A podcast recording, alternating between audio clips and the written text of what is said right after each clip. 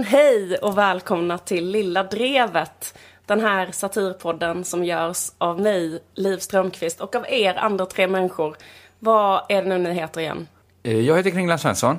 Ola Söderholm. Nanna Johansson. Det är lite spännande, den som lyssnade på förra avsnittet av Lilla Drevet kanske kommer ihåg att det slutade eh, med att du gav ett nyårslöfte i den här podden, Kringlan. Just det. Ja, vad var det nu du, eh, Ja, men det var du, du lovade? lite oprocessat. Slängde ur mig att jag skulle bli mer eh, liberal, mer höger. Ja, just det. Jag inledde min långa resa högerut.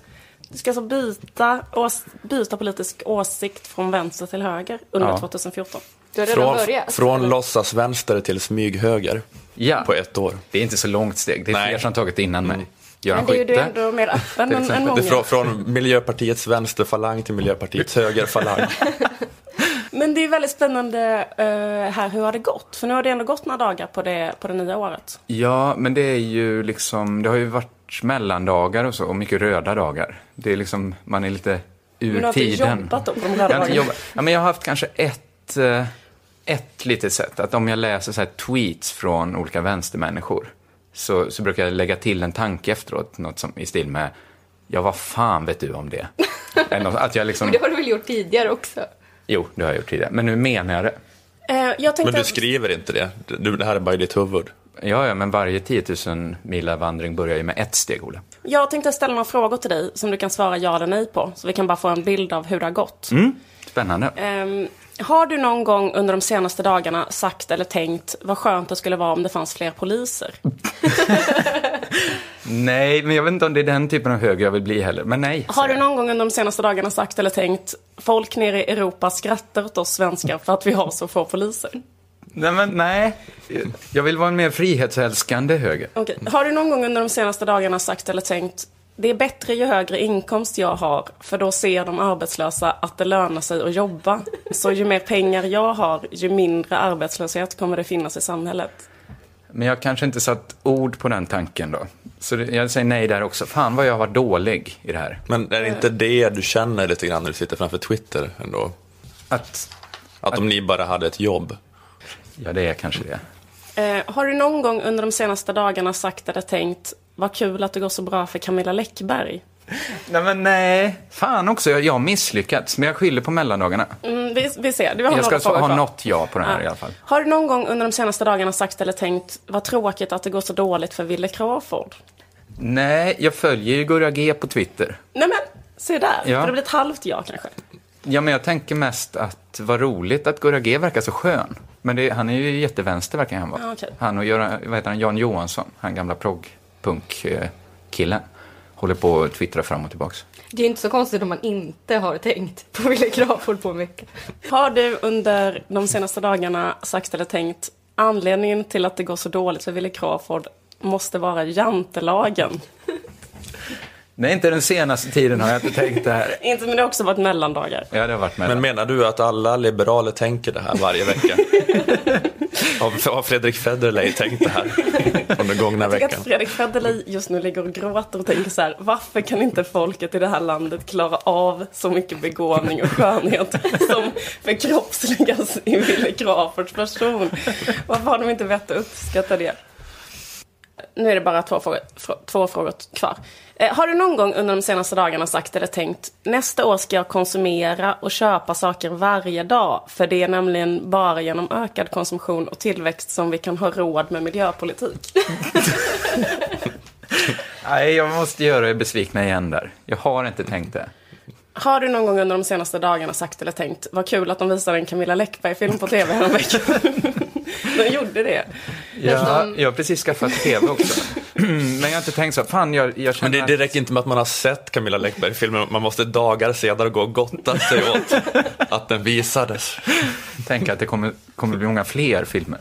Har du någon gång under de senaste dagarna sagt eller tänkt ner i Europa skrattar folk åt oss för att vi inte håller koll på vilka dagar och vilka filmer Camilla Läckberg inte. Ja men skitsamma, det här var ju sög ju kring det. Det här går ju sög jättedåligt. Jättemycket. Jag skyller, en gång kan jag väl få skylla på mellandagarna. Jag lovar att vara bättre. Jag, jag ska utmana mig själv till nästa vecka.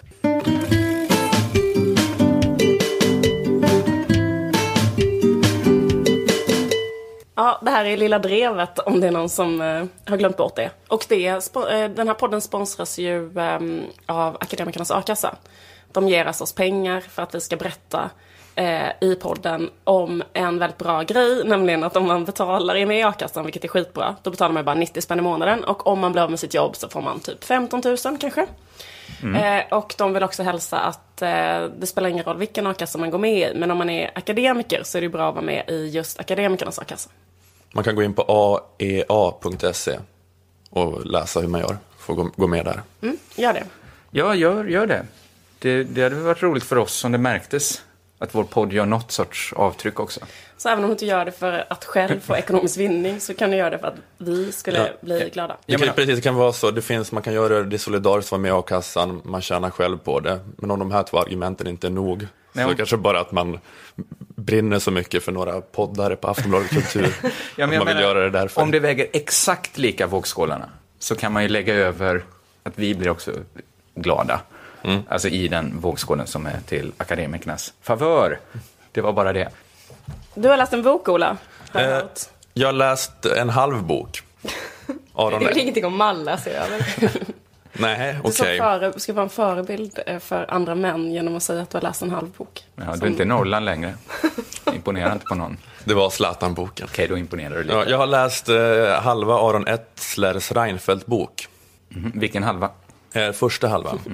Eh, den heter Reinfeldt-effekten då, hela boken, inte första halvan. Vem är nu Aron Etzler? Han är, eh, vad heter det, partisekreterare för Vänsterpartiet. Aha, och han har skrivit ett kärleksfullt eh, porträtt av Reinfeldt. Nej, men han, har, han har skrivit en bok om varför det har gått så bra för Moderaterna de senaste valen. Och eh, en grej som han eh, pratar om är att tydligen är det så att i svensk politik funkar det inte så att man tar makten och sen ändrar på samhället. Utan det funkar så att först ändrar man på samhället, sen tar man makten. Men hur kan man ändra på samhället om man inte har någon som helst makt? Eller man har liksom kanske lite makt då, eller? Ja, man har ju lite makt. Man ju. Ja, men alltså, det, alltså, långt innan Moderaterna vann valet 2006 hade de redan på sätt och vis vunnit för att de hade vunnit kampen om det politiska initiativet. Men de hade inte vunnit kampen om makten. Alltså problemet var att svenska folket inte gillade dem. Nej, det var få som gillar Moderaterna. Nej, precis. Och det var det som var Reinfeldts stora styrka, att han insåg detta. Att eh, de gamla Moderaterna då, Carl Bildt och Bo Lundgren och Gunnar Hökmark, det gänget. Att de hade kommit fram som unga politiker i en tid då de inte alls hade det politiska initiativet. Att de befann sig i ett extremt underläge, 68-rörelsen. Så de hade då blivit ideologiska krigare. De var arroganta, tog avstånd från det här pissamhället. Ja, men så det är som sådana barn som typ haft en jävligt dålig barndom och sen så blir de typ jobbigare resten av livet på grund av det. Ja, precis. De är i ständig konflikt med alla. De förstår inte att det är över. Kriget är över. Typ, det var så hemskt att eh, så här, vara höger under 68-rörelsen så det var som att så här, eh, mamma kom inte hem på kvällarna. Det var som att växa upp som Morgan Alling. Ja. Och nu har, man, nu, har man, nu har man kanske en flickvän som kommer hem på kvällen och är jättesnäll, men då bestraffar man henne Ja, det för det mamma gjorde. Just det. Men deras aggressiva hållning då eh, var nödvändig under resans gång, eh, de gamla moderaterna. Men den är skadlig när man är framme, för att efter nyliberalismvågen på 80-talet, regeringen Bildt 91-94, superhögerregering, de eh, genomförde fria skolvalet, avreglerade allt. Det var tre socialdemokratiska regeringar efter, men de rullade ju inte tillbaka det här så mycket. De hade liksom, vid det här laget hade de gett upp planerna på att socialisera Sverige, som de kanske hade där runt 1970. Det är dumt att skrika om en så här, liberal revolution när den liberala revolutionen redan har skett. Just det. Man framstår som lite störig då. Den enda vägens politik, sa Bildt. Det är opsykologiskt, för säger man så så uppmanar man, man så här, provocerar folk till att revoltera. Alltså om man så här, skriker om en- en revolution som redan har skett. Alltså det, det är lite på samma sätt som att man stör sig på de här humanisterna. Men var det det? det, det man upplevde inte riktigt att Alltså- Bo Lundgren skrek efter revolutionen. Okej, ja. Men det är väl det de har snackat om men de, de skriker inte då, men de, eh, de väser på ett lite så överklasssätt. Jävla sossar! Den grejen. Soss, sossar, sossar. Ja, men det är som, man, Ja, så slutar de göra det och så bara istället börja älska läget. ja, precis. Minns, jag hade en liknelse här med humanisterna, man stör sig på dem. De skriker om att skapelseberättelsen inte är vetenskaplig. Och man kan säga att Hedenius vann den här striden på 40-talet. Att man får så här lust att börja tro på häxor och spöken bara i ren trots. För att man inte orkar med så här, Christer Sturemarks övernitiska agiterande. Nej, så har jag ju känt starkt. På samma vis kan då Carl Bildt få en att börja tro på socialism. bara, bara i ren trots. Alltså fast man egentligen gillar att få ett par extra hundralappar i plånboken varje månad. Ja, det. Det gillade svenskarna när man hade kommit fram till 90-talet, men Carl Bildt var så störig så att han kunde driva en in i socialism. Men- och det var det att Reinfeldt förstod att man måste tona ner det här. Ja, absolut. Men jag tycker den här vänsterpartisten som skrivit det här var jag-svagt av han att tro att vänsterns alla framgångar är för att borgarna är osympatiska. Alltså, Ja, borde de inte ha en egen politik och locka med istället? Jag vet, jag har ju bara läst halva boken. Det kanske Ja, kommer ja, ett lyckligt slut, jag vet inte. sen. Men de gamla moderaterna hade vunnit den ideologiska striden, men de vann inte makten för folk tyckte att de var osköna. I opposition så är man intresserad av att skapa konflikt, eh, men när man närmar sig makten ska man börja axla rollen som företrädare för hela folket. Och det var det då Reinfeldt insåg att han måste profilera partiet som ett allmänintresse.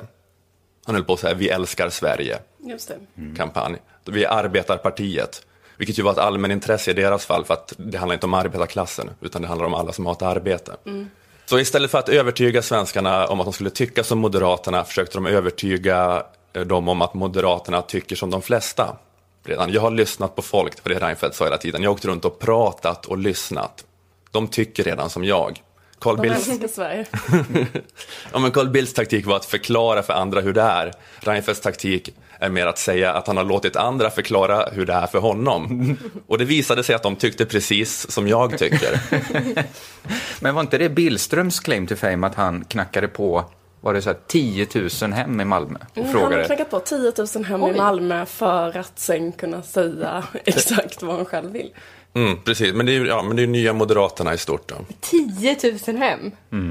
Det är ju jättemycket. Han har svenskt rekord i knackning. det måste han ha. Men som sagt, det handlar om att eh, förändra samhället och sen ta makten. Alltså det är ungefär som i ett förhållande.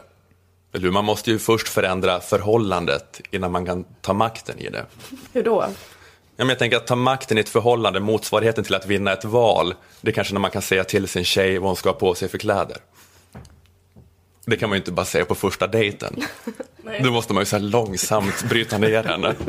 Tills det verkar naturligt att jag Men- berättar vad du har på dig för kläder. Men jag, blev, jag tyckte det var en spänstig metafor det här. Vad är vänsterns, vad är produktionsmedlen man skulle kunna ta makten av över som vänster, i ett förhållande? Hur gör vänstern?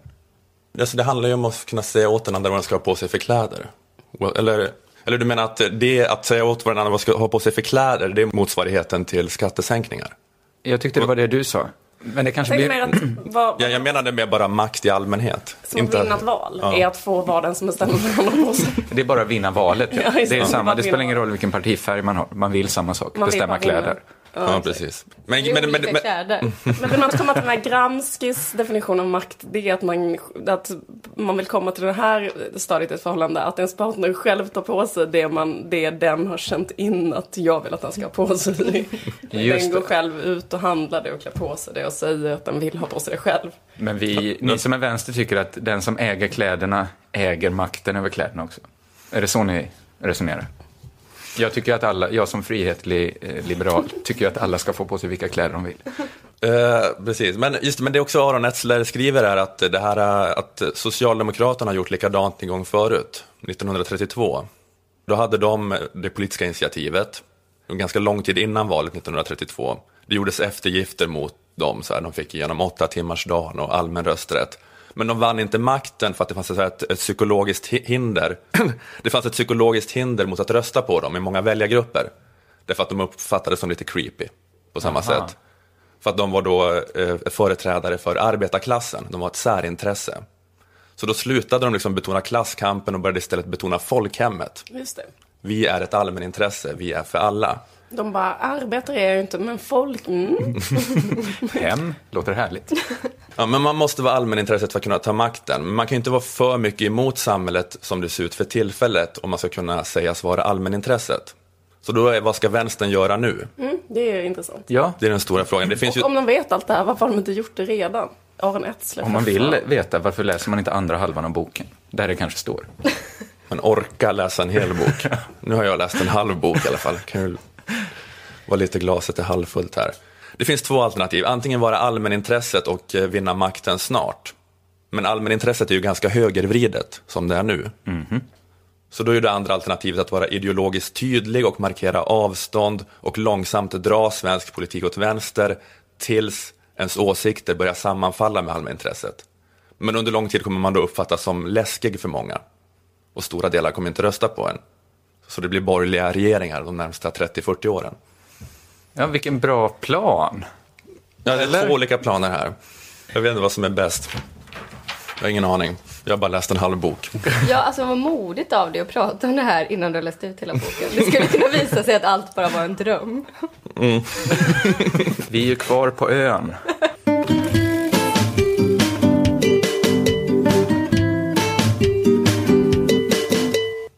Som gjorde någonting roligt på nyår?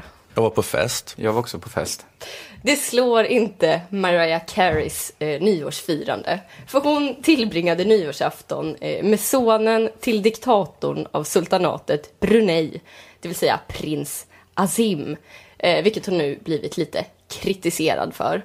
Eh, kanske inte så konstigt, för bara några veckor tidigare så uppträdde hon för Angolas enväldige president José Eduardo dos Santos.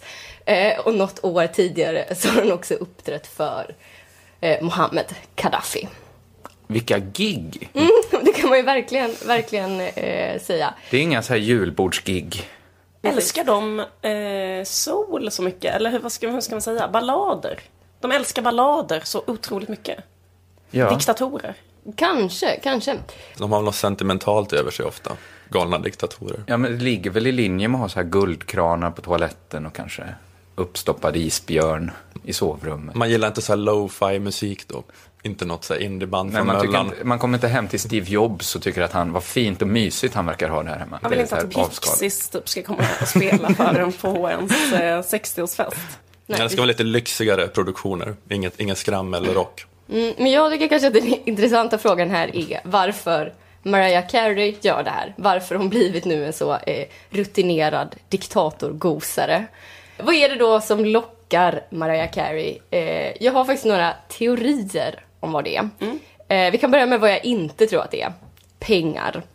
Mariah har redan 500 miljoner dollar på banken, eh, vilket jag räknade ut är lite över 3 miljarder kronor. Det är svårt att tänka sig att hon kommer hamna i en fas 3-åtgärd inom den närmsta framtiden. Eh, hon har sitt på det torra, behöver inte spela Allan inför en massa envåldshärskare för att få upp till hyran. Strunt samma, jag tror i alla fall inte att det är pengar det handlar om. Eh, jag har tre andra teorier på vad det skulle kunna vara. Eh, min första teori är att hon bara vill vara rättvis. Eh, när Angolas diktator ringde så sa hon kanske nej, absolut inte, du är ju diktator, du skulle se ut. Och då sa han, men vad då? jag har ju hört att du uppträtt för Gaddafi, eh, är jag så mycket sämre? Och då var hon tvungen att säga, okej då, men bara för att det är du. Eh, och sen så ringde ju Bruneis diktators son och då hade hon ju redan umgåtts med två diktatorer redan. Eh, så då vore det ju skittaskigt att säga nej till en tredje.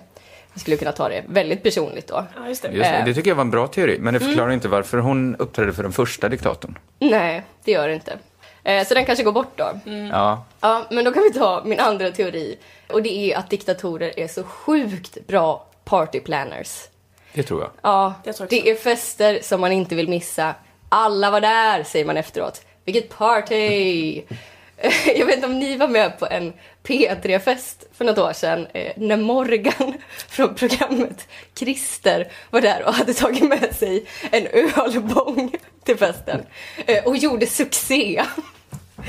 Alla, alla tänkte vilken partykille. Eh, lite så tänker jag att diktatorer är, som Christer Morgan, fast gånger tusen. När de ordnar fest, då är det inte bara chipsskål och lite Spotify. Nej, nej, nej. Det är livemusik, det är snurra flaskan, det är spelet Twister för de som vill. Det är håll igång fram till gryningen och sen bara fortsätter Det är det. inte mycket så här tända eld på en kristen. Jo, det. Tända, tända eld på Christer Morgan. Och sen hacka upp hans aska med kokain och ta det i en bång. Det tror jag är liksom, det är på den nivån. Det är så där Christer Morgan kommer dit med ölbång så blir de så provocerade i det lama partytricket att de eldar upp honom, hackar upp honom i kokain och dricker upp det genom hans ölbång. Man står bredvid diktatorn och säger så här, jag är lite kall. Och då är han så här, ja, jag kommer tända eld för Christer för din skull. Christer ångrar det långa skägget han håller. Jag tror att de vet hur man tar hand om en kvinna. Jag tror tänker de också kan så hålla upp här en dörr. att eh, en person som Mariah Carey, hon måste ju bli bjuden på bra fester hela tiden. Så för henne måste ju en bra fest vara bara en fest liksom. Ja. Så det ska ju till en riktigt jävla asbra fest för att det ska vara en bra fest för henne. Eh, Så det tänker jag skulle kunna faktiskt vara lite drivkraften till att hon bara kastar iväg sin moraliska kompass. Det tyckte jag var en jättebra teori. Eh, Sen då till min tredje teori. Det är att eh, hon varje gång verkligen vill tacka nej till de här diktatorsminglerna. Eh, Hon hatar diktatorer. Usch, säger hon. Eh, Men sen så lutar hon sig ut genom fönstret, slår armarna om överkroppen och säger Nåja,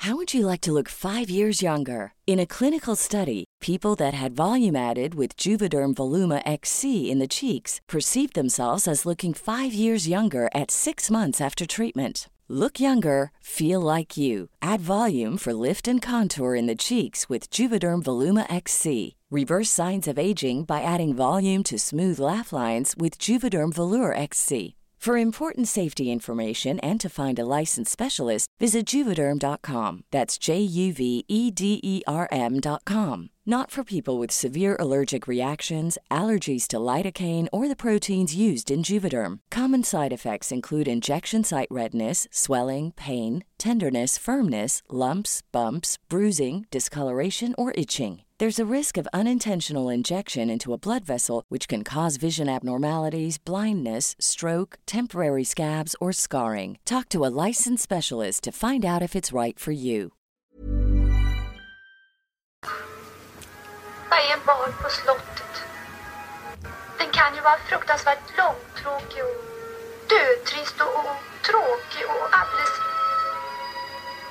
alldeles underbar. Och sen så går de dit. Men jag undrar bara vilka som är, vilka är mössen som syr hennes klänning i den här liknelsen. Morgan och Christer. Christer Morgan.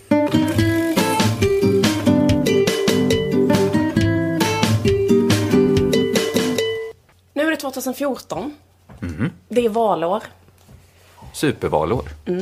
Så det är under detta året som vi alla i samhället, politiker, medborgare och media tillsammans ska diskutera frågor som hur ska vi leva, vad är ett gott samhälle och hur ska vi uppnå det? Skojar bara. Vi kommer inte diskutera det. Vi kommer nämligen diskutera en annan sak hela det här året ända fram till valet. Och den eh, frågan som vi kommer diskutera allihop är den här frågan. Hur mycket kommer jag att få i plånboken? Eh, det känner ni till. Eh, att den här vinkeln på det politiska samtalet. Hur mycket kommer jag att få i plånboken? Jag stör mig så mycket på att det är så infantil liknelse. Att man måste säga det. Att Plånboken. plånboken, hur mycket kommer ligga i den plånboken? Annars kan jag inte greppa det här med pengar. Jag måste Och så är det visualisera. eh, alla artiklarna illustrerade med samma sådana Scanpix-bild på en sedelbunt. Och sen är rubriken så här. Eh, kolla här hur mycket jag... Eller, mm. Ja, men de är bara ett steg ifrån att behöva skriva ut ett likhetstecken och kanske rita ett äpple eller något sånt. Pengar, det är det du kan köpa saker för. Hur mycket färre äpplen kommer jag kunna köpa nästa år? Men Berlusconi lovade ju senaste gången när han försökte bli omvald att han skulle skicka pengar i kuvert hem till folk. Ja, men jag tror det är Det var väldigt tydligt. Ja.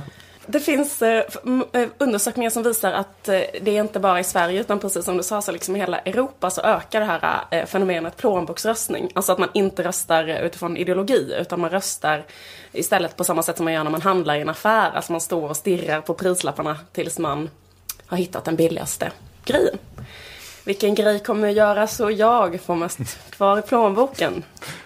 Moderaterna. Eh, ja, men, men liksom den här utvecklingen eh, gör ju då att eh, alla politiska frågor som inte kan diskuteras utifrån min plånbok är döda, eller nästan döda. Eh, till exempel den politiska frågan om, ja men typ Östersjön till exempel. Eh, både den politiska frågan om Östersjön och själva Östersjön är ju död eller nästan död. Eh, Varför? Ja, för att eh, man, det är inte en politisk fråga som man kan prata om utifrån frågeställningen hur mycket kommer jag att få i plånboken av. Östersjön? hur många laxar kan jag droppa i, ner i mitt sedelfack. Dioxinförgiftad strömming som jag kan pressa ner i myntfacket. Ja. Exakt, hur mycket Men måste löjrom man går det ha att droppa ner i En myntfacket ny- och stänga? Liknelse, hur mycket dioxin kommer mina barn ha i kroppen? Ja. Om man liksom bara byter, om det krävs det här väldigt enkla och barnsliga bildspråket. Det känns väldigt abstrakt. Ja, Mina ja. barn, inga dioxid. Vad betyder ens barndioxin? Nej men till exempel, när hörde ni senast? Okej, jag kan lägga in en brasklapp som är så här att jag tittar jävligt lite på nyheterna. Men jag har en känsla, jag har en feeling som är så här att det aldrig, typ en politiker som pratar i tv under en debatt eller ger ett vallöfte eller så, som på något sätt ens antyder att det finns någon slags problem i Östersjön. Har ni liksom hört det till exempel under de senaste åren? Jag, jag känner, jag har absolut inte hört det. Min feeling är så här. att det har blivit så på grund av den här äh, vridningen i, alltså att den enda vinkeln är hur mycket får jag kvar i min plånbok? Eh, därför har det blivit så nu att det bara finns ett enda tv-program. Det finns bara en enda plats där man ja, till exempel kan prata då om en sån fråga som Östersjön. Det finns bara ett tv-program där de medverkande är så proppfyllda av så här självgott, oantastligt självförtroende. Så att de kan kosta på sig att ta upp den här superosexiga, låg klickabilitetshaltiga frågan om Östersjön. Och ni förstår såklart vilket program jag menar. Nej, Stjärnorna på slottet. magasinet Sverige. Nej, Året med kungafamiljen! Självklart. Överhuvudtaget så har ju Östersjön en väldigt eh, allvarlig miljösituation. Eh, Östersjön bo, tyvärr mår ju väldigt dåligt. Det är så långt den här utvecklingen har gått att den enda personen i hela Sverige som kan säga offentligt att Östersjön mår dåligt i hela det här politiska samtalet är kronprinsessan Victoria. För att hon har ärvt sin titel och kommer sitta på tronen tills hon dör och att inget hon säger eller gör kan, kan påverka det. Man behöver så mycket trygghet som en ärftlig titel ger eh, för att kunna lyfta den här typen av frågor. Och detta tycker Och hon jag... kanske inte heller är så beroende av plånboksfrågor heller. Nej, sant också. Hon kan kosta på sig lite sådana här lyxfrågor som att Östersjön håller på att dö. Men är det att det är så, här, att det är så töntigt att hålla på och prata om vad som är bra och vad som är dåligt? Att man bara man skruvar på sig när någon politiker börjar göra så. så att eh, det, är bara, det är bara en monark som kan kosta på sig att göra det. Ja. Eller jag tror att det, bara, att det har blivit så att det bara går att prata om det på det sättet. Att det liksom går inte att förstå ifall någon skulle säga så här. Eh, om ni väljer mig så lovar jag att mitt parti kommer rädda Östersjön på bäst sätt. Typ. Det är liksom... Det partiet får inte min röst heller i och för sig. det partiet kan gå och hänga sig. alltså, vilket är tråkigt tycker jag. Därför att Östersjön håller på att Ja, ja, absolut. Men jag tycker också det är tråkigt att det har blivit så att det bara är kronprinsessan Victoria nu för tiden som kan prata om Östersjön överhuvudtaget. För att hon inte är eh, kanske så jättebra heller på att argumentera kring de här frågorna. Eller jag vet inte, jag ska inte döma henne. Men vad sa hon då? Varför ska vi egentligen rädda Östersjön, Victoria? Ja, för mig personligen är det viktigt för att jag är väldigt förtjust i Östersjön. Ja men ser man på. Hon är väldigt förtjust i Östersjön. Ja, så det det är så här det har blivit nu, liksom att vi som folk är nu helt utlämnade till att den enda som kan driva opinionsbildning utanför plånboksfrågorna är kungafamiljen. Och, eh, Och du? de driver bara frågor eh, utifrån vad de liksom är förtjusta i. Eller vad Victoria för tillfället är förtjust i. Och på sikt prinsessan Estelle. Så snart kommer det bli så här. Gör det bättre för ponnyhästar. För jag är väldigt förtjust i ponnyhästar. Men Jag vet inte vad hon är förtjust i. Smörgåsrån brukar barn gilla. Eh, Gör det bra för smörgåsrånen. För jag råkar väldigt förtjust i smörgåsrån. Så här mjuka rån. Våtservetter. Eller jag vet inte vad barn. Sånt som barn brukar hålla på med. Majskrokar. Just det, billigare majskrokar. Ja, eller bara jag är väldigt förtjust i majskrokar. Punkt. Jag är glad att det inte är en superstark rörelse det här. Jag såg eh, lite på, jag såg första kvarten av året med kungafamiljen. Du, vad, du jobbar mycket med på någonting. Vad duktig du är. vad, vad, vad söt hon var, Estelle.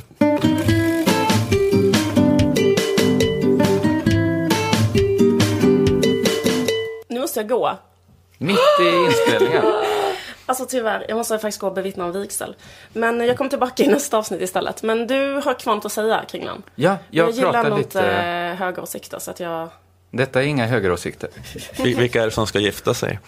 Ehm, eh, ja, men vi ses. Hej. Ja, vi ses nästa vecka. Hej, hej. Ja, har ni hängt med i nyhetssvepet? Nej. Det kan man nästan kräva av er. En av veckans stora nyheter är ju att cannabis numera är tillåtet i Colorado. Just det, ja, men det har jag hört om. Gröna, gröna onsdagen hade vi, som den kallades, skämtsamt. Det läste jag i tidningen DN tror jag. Och det här är då inte bara medicinsk marijuana utan det är också tillåtet för rekreationellt bruk som det heter. Alltså man får använda det som man använder alkohol när man är ledsen och blir glad. Eh, Man har ångest. Ja, precis. Då kan man ta det. Då, då, är- då är det tillåtet att ta det mera. Till, inte uppskattat, men tillåtet. Eh, och det var ju stora köer såklart, för många var sugna på att testa det här. Alla som haft den här märkliga kombinationen, jag skulle jätte, jättegärna vilja röka gräs, men jag har jättestor respekt för lagar. Så de ställde sig och köade då för att få köpa lagligt gräs. Jag vet, men det känns lite som, men ibland tycker man att en film är roligare att se när den går på tv. För att då känns det som, nu är det på riktigt. Det är som piratpartister. Som är de är med nedladdning. De kan inte bara ladda ner, det måste vara lagligt också. Just det. De vill, precis, de vill, det hade varit kul att kunna stå för sina handlingar, tänker man. Det finns vissa så sjuka människor som vill kunna stå för det de gör i, i, i lagens ögon. Det här diskuterade man då i TV4s Nyhetsmorgon. Eh, känner ni igen, eh, känner ni till programmet? Ja, Ja. Mm, det är alltså då en parodi på humorprogrammet Morgonsoffan, som i sin tur var en parodi på Godmorgon Sverige. Det är väldigt mysigt program. Det är ingen som fått en stroke framför Nyhetsmorgon i TV4. Ingen har någonsin sagt Nyhetsmorgon i TV4 är bäst att titta på när man tagit E. Det är inte den typen av program. Det är mysigt. men finns det inte någon så här oändlig tomhet i det? Som man kan känna när man ser på TV4s morgonprogram? Det, det tror jag Att man, man kan... känner att det öppnar sig i bröstet och man faller genom universum. För att det är så, det är det här totalt lobotomerade TV4-stämningen. Det finns liksom ingen friktion i det, inget att, att hålla tag i när man känner att man faller. Så Nej. kan man liksom inte haka upp sig på något som Tilde de Paula sagt och kanske bli kvar i verkligheten. Utan det är mer som att hon smort in händerna med glidmedel när hon försöker greppa efter den. Eh, Hon är, hon är liksom med, hon är, man känner intigheten bara starkare när man försöker greppa tag i till det. ja, Ja. men det, så ser väl den konstnärliga Vad verkshöjden mycket ut. ångest ni verkar ha. i... Lätt för dig att inte ha ångest när du inte tittar på TV4. kan man sitta där och malla sig. Sitta och teckna satiriska serier. Där Reinfeldt ser ut som en, som en stjärt i ansiktet. Det är klart man inte får ångest då. Då lever man ju drömmen. I det här mysiga, friktionslösa parti, eh, programmet diskuterades legaliseringsfrågan. En känslig fråga i Sverige. Det är inte så vanligt att folk i offentligheten kommer ut som legaliseringsförespråkare. Och de som kommer ut som det hade egentligen inte behövt göra det, för vi vet redan vad du står i frågan, Alexander Bard. Så är det ju med droger i Sverige, det är, det är problematiskt. Det enda som skulle kunna få Filippa Reinfeldt att gå med på ett sprututbytesprogram var om man lät pundarna byta till smutsigare sprutor. Då skulle hon kunna överväga och låta dem byta sprutor. Det var hemskt sagt. Ja, men jag tycker ändå det är hemskare att hata missbrukare och vilja att de ska dö. Så man får ställa det i relation till vartannat. Ja, just det. Ja, det här med att ge missbrukare hiv med sin politik.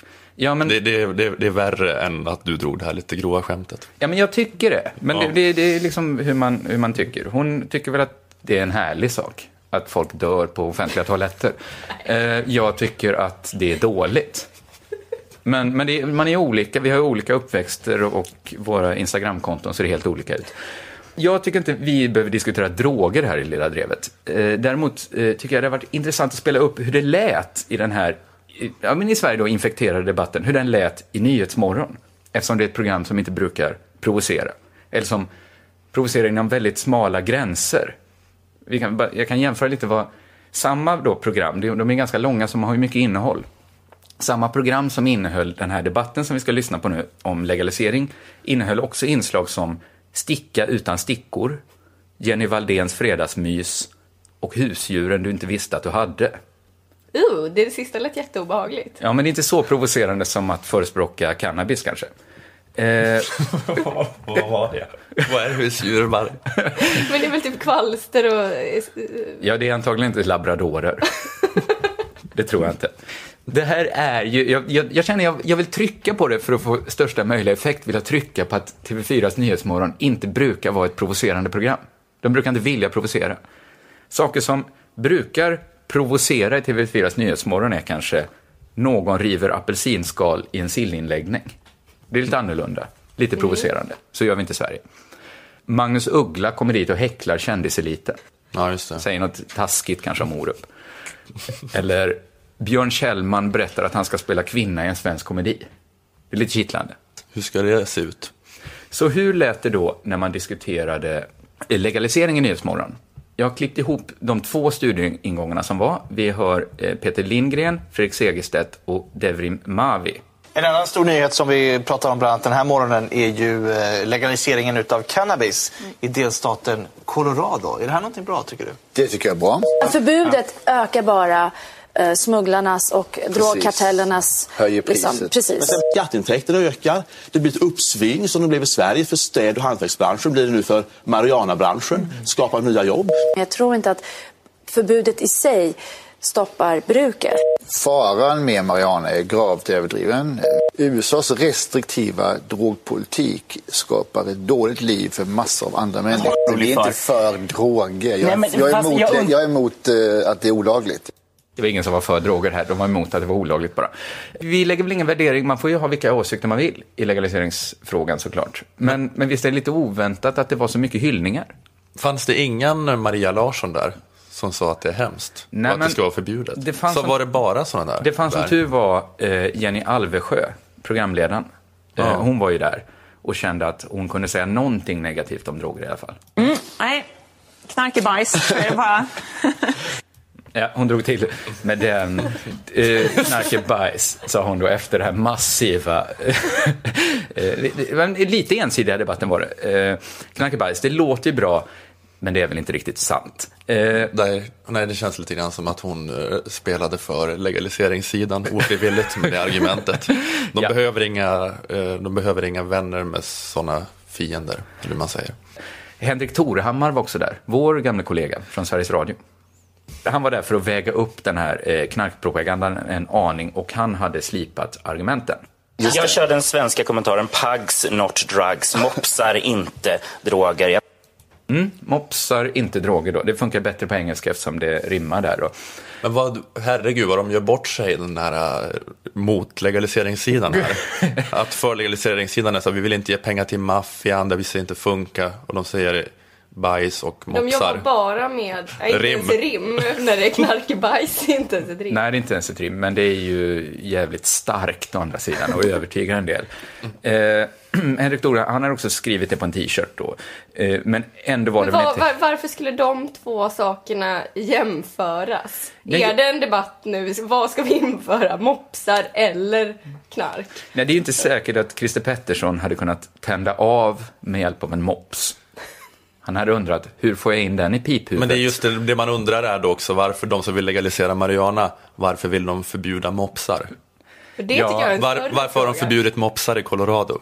Jag, jag tror inte han, han liksom lyste inte upp någonting med, med det argumentet. Men det var lyckligtvis inte det enda argumentet han hade. Det var bara det ena av två. Det andra argumentet såg ut så här. Den, den, den kulturen känns så himla konstig och den känns så himla liksom så antiintellektuell, eh, ful om man får vara rent estetisk också.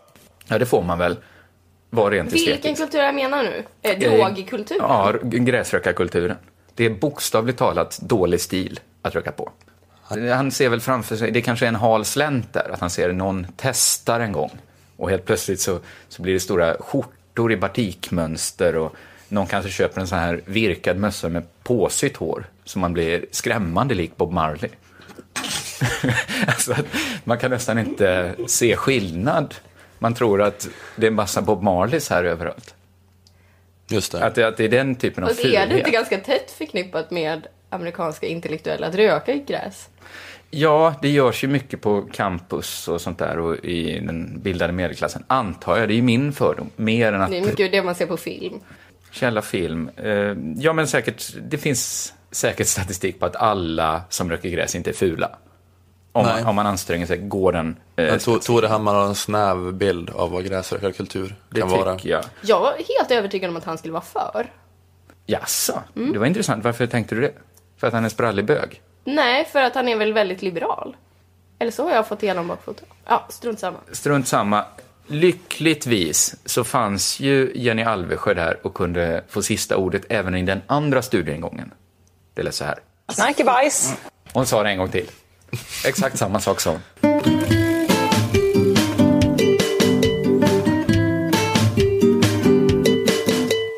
Så, då lider vårt program mot sitt slut. Har ni haft en bra, bra mellandagar? Ja. Ja. Jag var och såg eh, Anna Odells Återkomsten. Har ni sett den? Återträffen. Återträffen. Återträffen. alltså, jag, jag, såg, jag såg nästan hela filmen, jag såg inte förtexterna. Där är jag olika med Ola. Ola hade sett förtexten och sa nu ska jag prata om Anna Odells film. Nej, men så hörde jag att det hände så tråkigt i mellandagarna. Att Anna Odell lyfte på hallmattan och där låg en inbjudan till klassfesten. Som hon smög ner i pappersåtervinning. Jaha, hon hade gjort filmen i onödan. Hon gjort det nog. Sen gick hon in på Facebook, klickade i det här others på eh, mess- eh, Messenger. Där låg inbjudan. Mm. Hon var bjuden. Mm. Raderade det. Tack snälla akademikerna för att ni vill sponsra oss och vår podd Lilla Drevet som har hashtag Lilla Drevet. Som hörs igen nästa vecka. Ja. Det gör vi. Hej då. Hej då. Hej då!